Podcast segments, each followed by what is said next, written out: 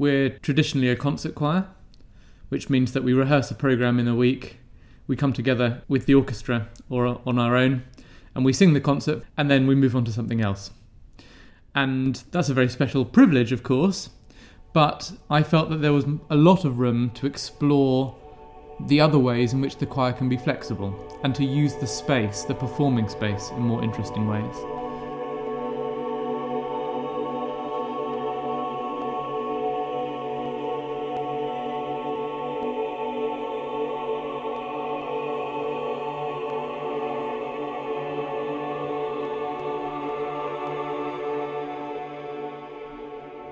Because I think that for an audience, being surrounded by the sound, having the performance space, this distinction between audience, performer broken down, is an interesting idea and something which can make the musical and uh, listening experience much more immediate.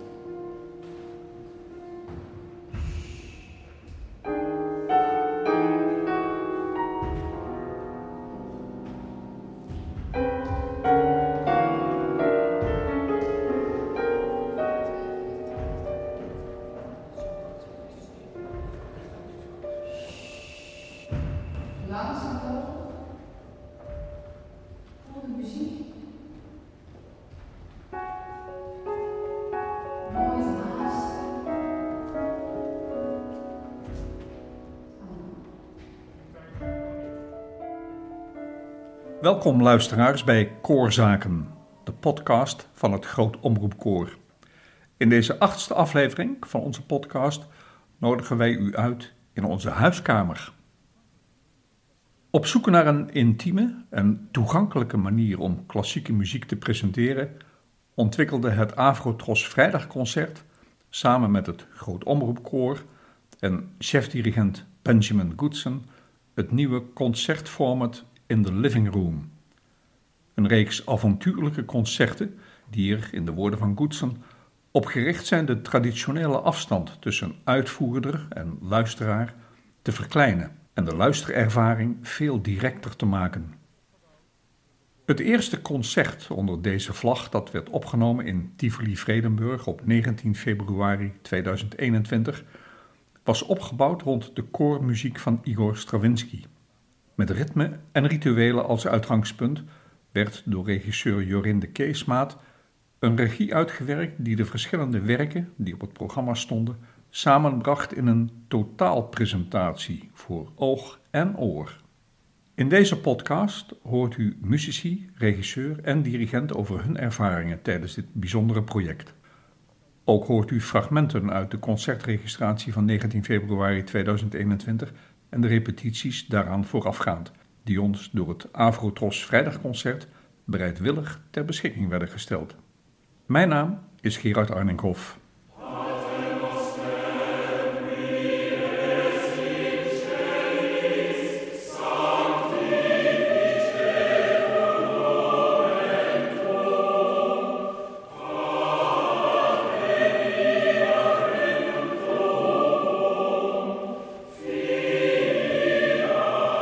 De vraag was eigenlijk, we hebben een uh, concept bedacht, Benjamin heeft een concept bedacht in de living room en we willen eigenlijk heel graag dat het uh, koor heel dicht bij het publiek komt. En uh, we zaten dan natuurlijk in covid-tijden, dus ik dacht, ja, dicht bij het koor komen wordt het niet. Maar eigenlijk heb ik meer de vraag gesteld van, goh, wat, wat willen we met dit, hè, met dit concept vertellen? Um, maar wat wordt eigenlijk het onderliggend thema? Namelijk Stravinsky en ritmes en rituelen. Stravinsky is a very interesting character because he's someone who, throughout his life and career, reinvented himself many times. Nevertheless, I think that through his whole career, his whole output, there are certain elements which retained importance. I hear in all of his music that rhythm is the driving force, and I hear in all of his music a kind of ritualism. And when I was thinking about a format which uses movement, which uses the space, I thought that this, this repertoire could be a great vehicle for exploring those ideas. Op die manier zijn wij door gaan denken. En ik ben uh, heel erg op geënt dat we als het verhaal vertellen. En niet als zijn er allemaal elementen eromheen. Dus video of presentatie of een acteur of uh, nou ja, allerlei dingen die er omheen vaak bedacht worden om het verhaal te vertellen. En uiteindelijk zijn jullie het koor de kern en de kunstenaar.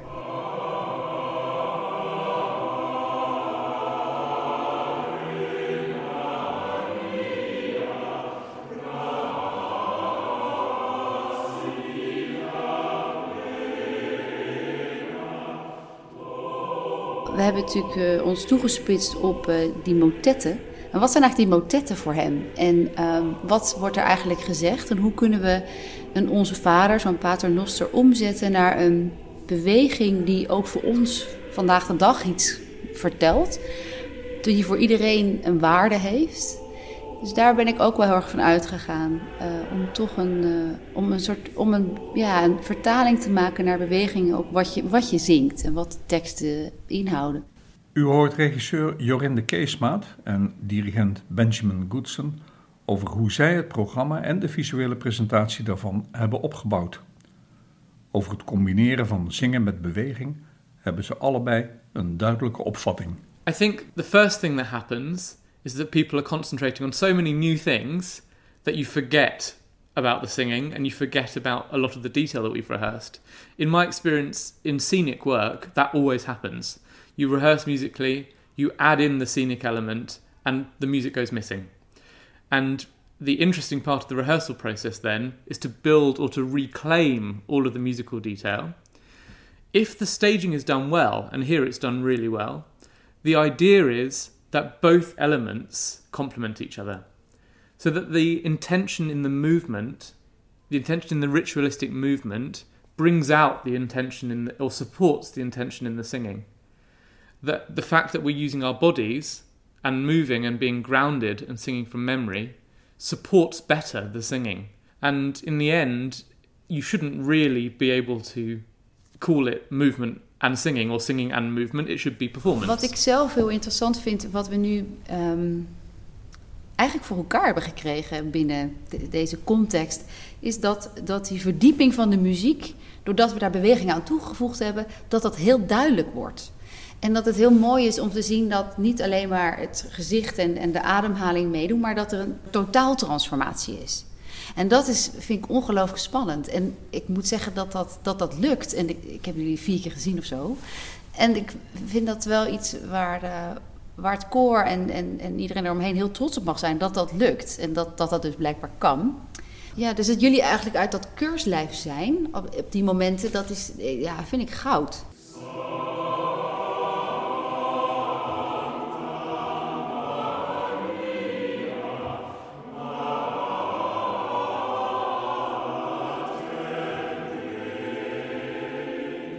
Van Stravinsky stonden naast koorwerken ook de vier liederen voor zangstem, fluit, gitaar en harp op het programma.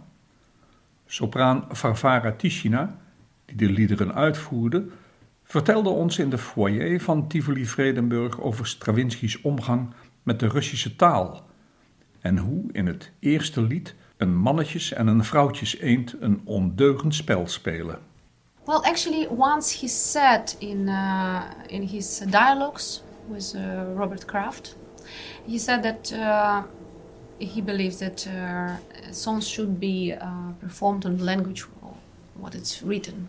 Uh, since he really used language, the stress on the syllables as a rhythmic figure, it's very difficult to put in another language and keep the same stress. One first is a kind of waiting song, this ritual waiting song, and it's kind of play men and women. So it says, well, take this dog, take this dog, and hold her. And uh, from her side, well, um, I can go and uh, uh, have fun with the other men. So it's kind of play.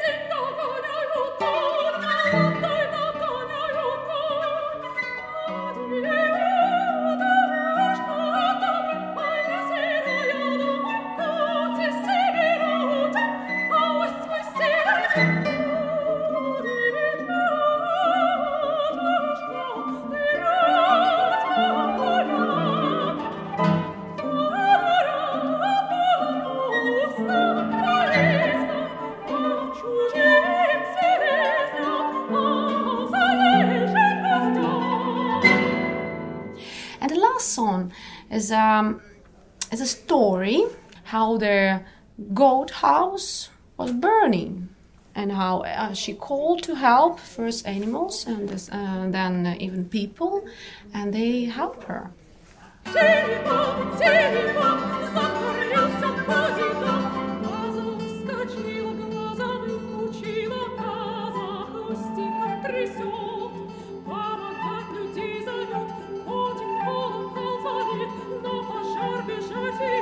Jimmy.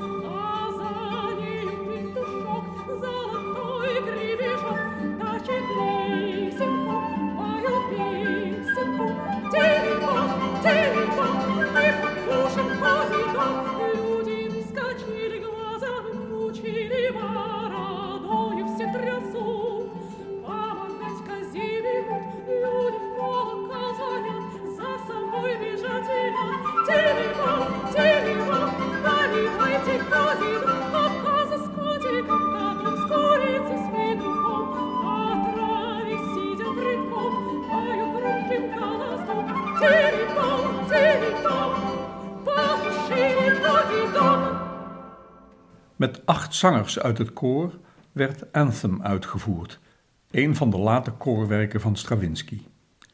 Itamar Lapid en Marlene Goldstein zongen mee en vertelden over hun kennismaking met de muziek van Stravinsky en over de bijzondere omstandigheden rond dit project.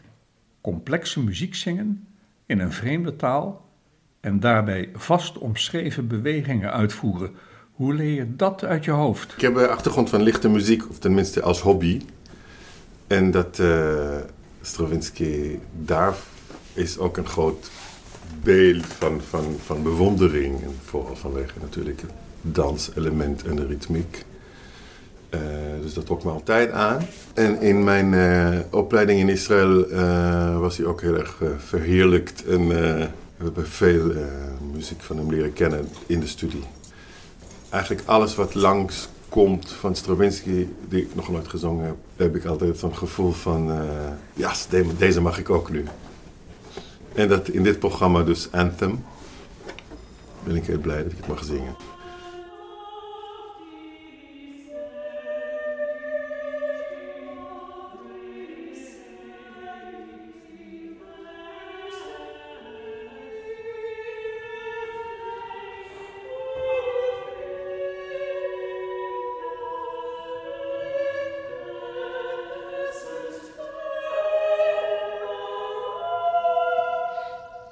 Dat vind ik dan zo knap aan Stravinsky. Dat het zo heel erg bedacht is. Hoe hij dat geschreven heeft met die reeksen. Maar toch ook heel ontroerend mooi. Je had vroeger zo'n VPRO-programma. Daar zat zo'n heel swingend stuk uit de zakken. Daar begon dat programma altijd mee. En dat vond ik toen zo gaaf. Dat ik toen de zakken du printemps ging luisteren. Ik luisterde eigenlijk geen klassieke muziek. Als puber, maar dat vond ik dan heel gaaf. En toen op het conservatorium deden we de kantaten en de mis. Toen vond ik dat ook echt zo geweldig. Daarna heb ik gewoon al die andere stukken door de jaren heen gedaan en ik hou er altijd heel erg van.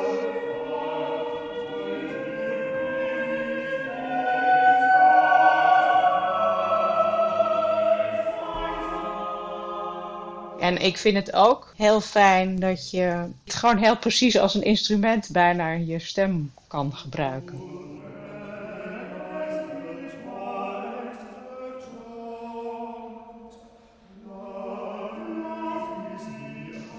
Je kan het eigenlijk altijd maar op één manier brengen, altijd die concerten. Omdat we niet, niet een operakoor zijn. Dus dan is het wel heel ambitieus om zoiets te proberen. Maar ik denk wel dat het heel knap is dat ze bedacht hebben om niet een dans of zo.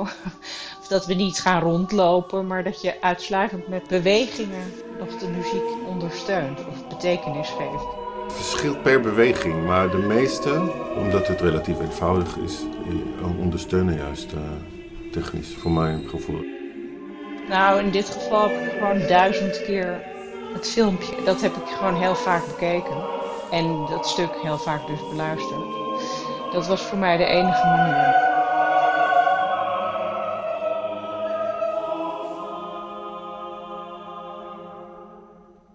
Allerbelangrijkste mij mezelf proberen niet te gek te maken. Vroeg beginnen is belangrijker dan veel uren. Ja, en ik moet zeggen, het begin van deze week kon ik niet zeggen, ik ken het 100% uit mijn hoofd. Maar in de repetities dan komt wel uit wat zijn de zwakke plekken. Dan uh, heb ik daar een beetje weer aan gewerkt. Dus het is uh, voor mij weinig, uh, had weinig stress.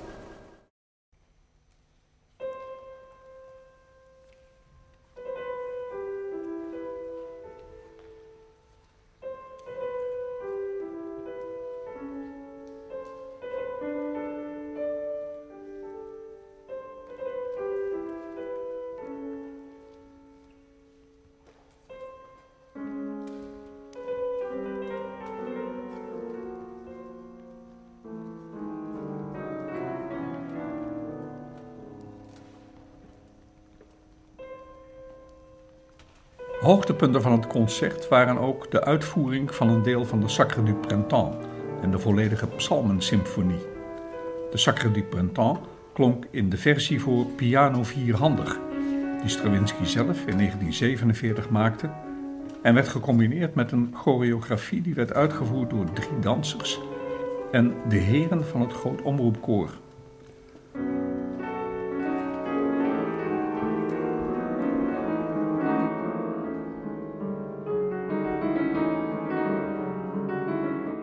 Pianisten waren Ad Broeksteeg en Ben Martin Weijand. Zij speelden ook de pianopartij in onze uitvoering van Ein Deutsches Requiem van Brahms, waarover u in aflevering 2 van onze podcast kunt horen. Toen maakten ze op basis van de piano- en orkestpartituur nieuwe keuzes uit de stemmen en melodieën van Brahms, omdat ze de koorpartij immers niet hoefden mee te spelen. Ook nu werd door de pianisten een nieuwe versie gemaakt. Deze versie van de Sakte is van Stravinsky zelf voor piano vierhandig, dus op één vleugel. Nou, in coronatijd moeten we dat natuurlijk op twee vleugels doen, op afstand. Maar dat geeft ook weer voordelen, want we hebben ook bij deze partij uh, van Stravinsky zelf, die natuurlijk uitstekend is, de volledige orkestpartituur erbij gehaald. En her en der gekeken, kunnen we daar nog wat extra toevoegen? En ook soms dat we uh, zelfs ja. nood aan elkaar kunnen overgeven, wat normaal niet zou kunnen. Dan zit je met de handen in elkaar geknoopt. En dat kunnen we nu, omdat we nu van elkaars handen geen last hebben, kunnen we wat extra doen. Dus bijvoorbeeld die beroemde akkoorden waarop jullie ja. dan ook gaan draaien, kan dus, Ben even spelen? Ja, dus ja? Dat, is, dat gaat.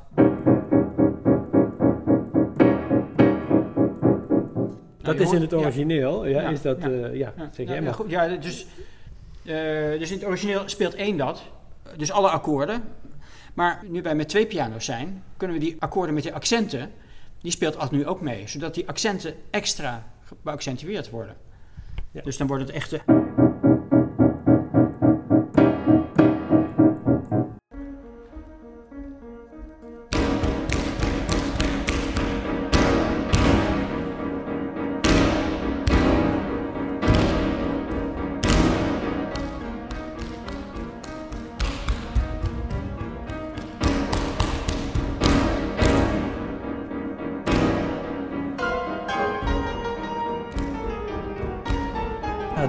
En de- ik heb toevallig van de week nog eh, van een collega van mij hoorde ik dat er dus ook een versie is voor orgel.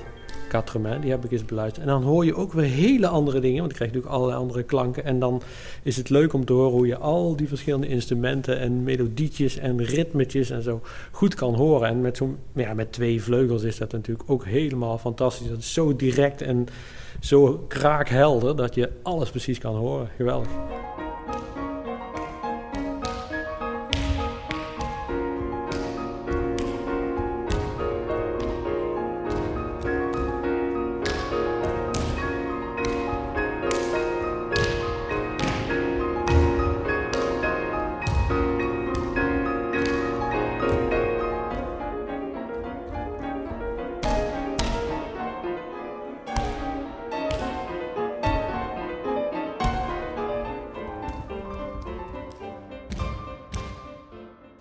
Psalmen-symfonie klonk in de versie voor twee piano's van Shostakovich.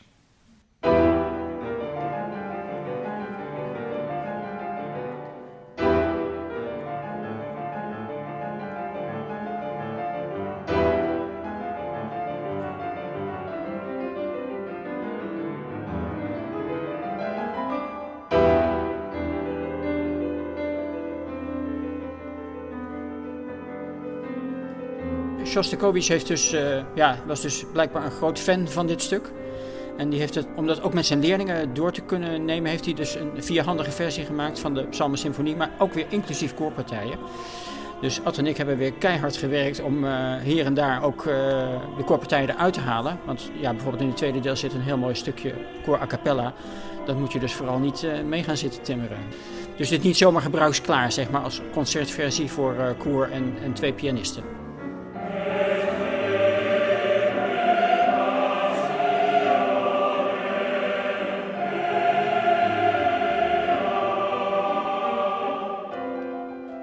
Hebben hier ook, net als bij die Brahms, ook de, de, orkestpartituur er weer bijgepakt. En welk instrument speelt waar, wanneer en komt dat ook terug, een belangrijk instrument, in de pianopartij. En als dat niet zo was, hebben we die ook erbij gemaakt, zeg maar. Dus dat, dat, het toch, eh, ja, dat je toch de indruk krijgt dat het orkest speelt. Dat je die diverse instrumenten eruit kan horen.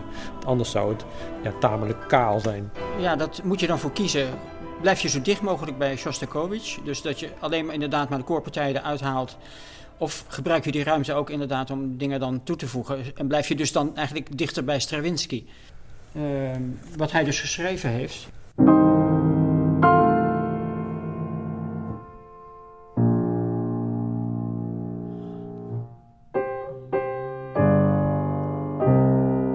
Dus ik heb nu de koorpartijen meegespeeld. Maar dat, dat hoort dus eigenlijk niet. Dus daar hebben wij eh, van gemaakt.